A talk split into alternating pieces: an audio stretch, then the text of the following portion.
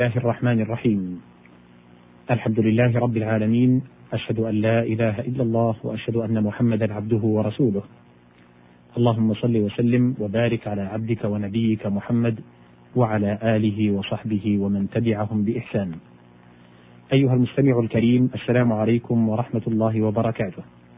أحييك وأرحب بك في مطلع هذا اللقاء الذي أسأل الله سبحانه وتعالى أن يكون لقاء مباركا حول مائدة كتاب الله سبحانه وتعالى في برنامجك غريب القرآن وهو برنامج نتناول فيه ألفاظا من القرآن الكريم غريبة محتاجة إلى بيان وتفسير ونسعى لتفسيرها من خلال ما قالته العرب الفصحاء في شعر ونثر كان المقام قد توقف بنا فيما سبق عند مادة الهمزة والراء والكاف.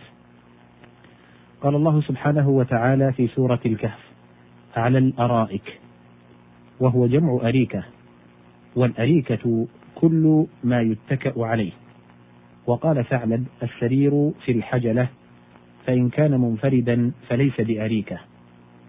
وتسميتها بذلك إما لكونها على الأرض متخذة من الأراك وإما لكونها مكانا للإقامة من أرك بالمكان أروكا أي أقام. وأصل الأروك الإقامة لرعي الأراك ثم عبر به عن كل إقامة. الهمزة والزاي والراء. الأزر. الأزر القوة الشديدة. قال تعالى اشدد به أزري أي لأتقوى به. وآزرته قويته. قال فآزره أي قواه. وتأزر النبت قال وقوي. وعليه قول الفرزدق فلا أبا وابنا مثل مروان وابنه إذا هو بالمجد ارتدى وتأزر. وآزرت البناء وأزرته قويت أسه وأصل ذلك من شد الإزار وتقويته. الهمزة والزاي والزاي. قال تعالى في سورة مريم تؤزهم أزا أي تزعجهم إزعاجا شديدا. والأز والهز أخوان. وقيل الأز أبلغ من الهز. والأز مأخوذ من أزة القدر تئز أزيزا إذا سمع غليانها. وفي الحديث أنه عليه السلام كان يصلي ولجوفه أزيز كأزيز المرجل. فالمعنى تزعجهم إزعاج القدر إذا أزت واشتد غليانها. ومجلس أزز كثير الزحام. وفي الحديث فإذا المجلس يتأزز أي يموج. الهمزة والسين والراء. الأسر. هو الشد وأصله من الشد بالإسار وهو القد ومنه أسرت القتب أي شددته بذلك ويسمى الأخيذ أسيرا ومأسورا لشده بذلك ثم أطلق على كل من أخذ بقوة وإن لم يشد به. وقوله وشددنا أسرهم أي قوينا خلقهم وسمي الخلق أسرا لشد بعضه بعضا. وفي الحديث كان داود إذا ذكر عقاب الله تخلعت أوصاله لا يشدها إلا الأسر أي العصب والشد.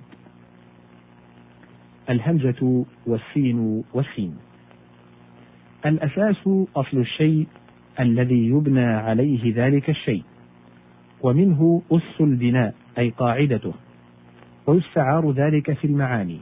فيقال أسس أمره على خير أو شر. قال تعالى أفمن أسس بنيانه على تقوى من الله ورضوان. الهمزة والسين والفاء.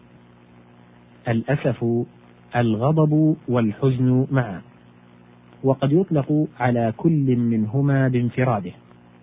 وحقيقته ثوران دم القلب شهوة الانتقام. فمتى كان على من تحته انتشر فصار غضبا وعلى من فوقه انقبض فصار حزنا. وسئل ابن عباس عن الحزن والغضب فقال غرضهما واحد واللفظ مختلف. فمن نازع من يقوى عليه أظهره غيظا وغضبا ومن نازع من لا يقوى عليه أظهره حزنا وجزعا. وعليه قوله وحزن كل أخي وحزن كل أخي حزن أخو الغضب وقوله تعالى فلما آسفونا انتقمنا منهم أي أغضبونا. وخص الأسيف بالحزين والأسف بالغضبان ولذلك جمع بينهما في قوله غضبان أسفا. ولم يؤت بأسيف لئلا تتكرر المادة. وقال الهروي في قولهم إن أبا بكر رجل أسيف أي سريع الحزن والبكاء وهو الأسوف أيضا. وأما الأسف والآسف فهو الغضبان. قال والأسيف في غير هذا العبد وقد جعله بعضهم من هذا الباب. فقال ويستعار للمسخر والمستخدم ولمن لا يسمى. فيقال هو أسف وذلك أن العبد يحزن غالبا. ويقال أسف يأسف أسفا وآسفته أغضبته. وسئل رسول الله صلى الله عليه وسلم عن موت الفجأة فقال راحة للمؤمن وأخذة أسف للكافر وكذا في حديث إبراهيم إن كانوا ليكرهون أخذة كأخذة الأسف أي موت الفجأة. الهمزة والسين والنون. قال تعالى من ماء غير آس أي غير متغير الرائحة. يقال أسن الماء يأسن ويأسن أسونا فهو آس. إذا تغيرت رائحته تغيرا منكرا يتأذى بها. وأسن الرجل إذا مرض من أسن من أسن الماء فغشي عليه.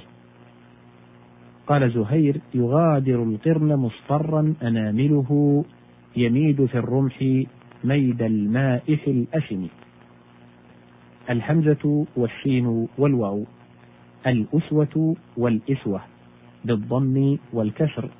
مثل القدوة مثل القدوة والقدوة وهي الحالة التي يكون الإنسان عليها في اتباع غيره سواء في حسن أو قبح نفع أو ضر. قال تعالى لقد كان لكم في رسول الله أسوة حسنة يقال تأسيت به أي اتبعته في فعله مثل اقتديت والتأسية التعزية وهو أن يقول فلان قد أصابه ما أصابك فصبر فتأس به في ذلك. وفي حديث قيلة آسني لما أمضيت وأعني على ما أبقيت أي عزني وصبرني. هنا ينتهي الحديث بانتهاء هذه المادة. إلى لقاء آخر إن أذن الله سبحانه وتعالى حتى ذلكم الحين أستودعكم الله والسلام عليكم ورحمة الله وبركاته.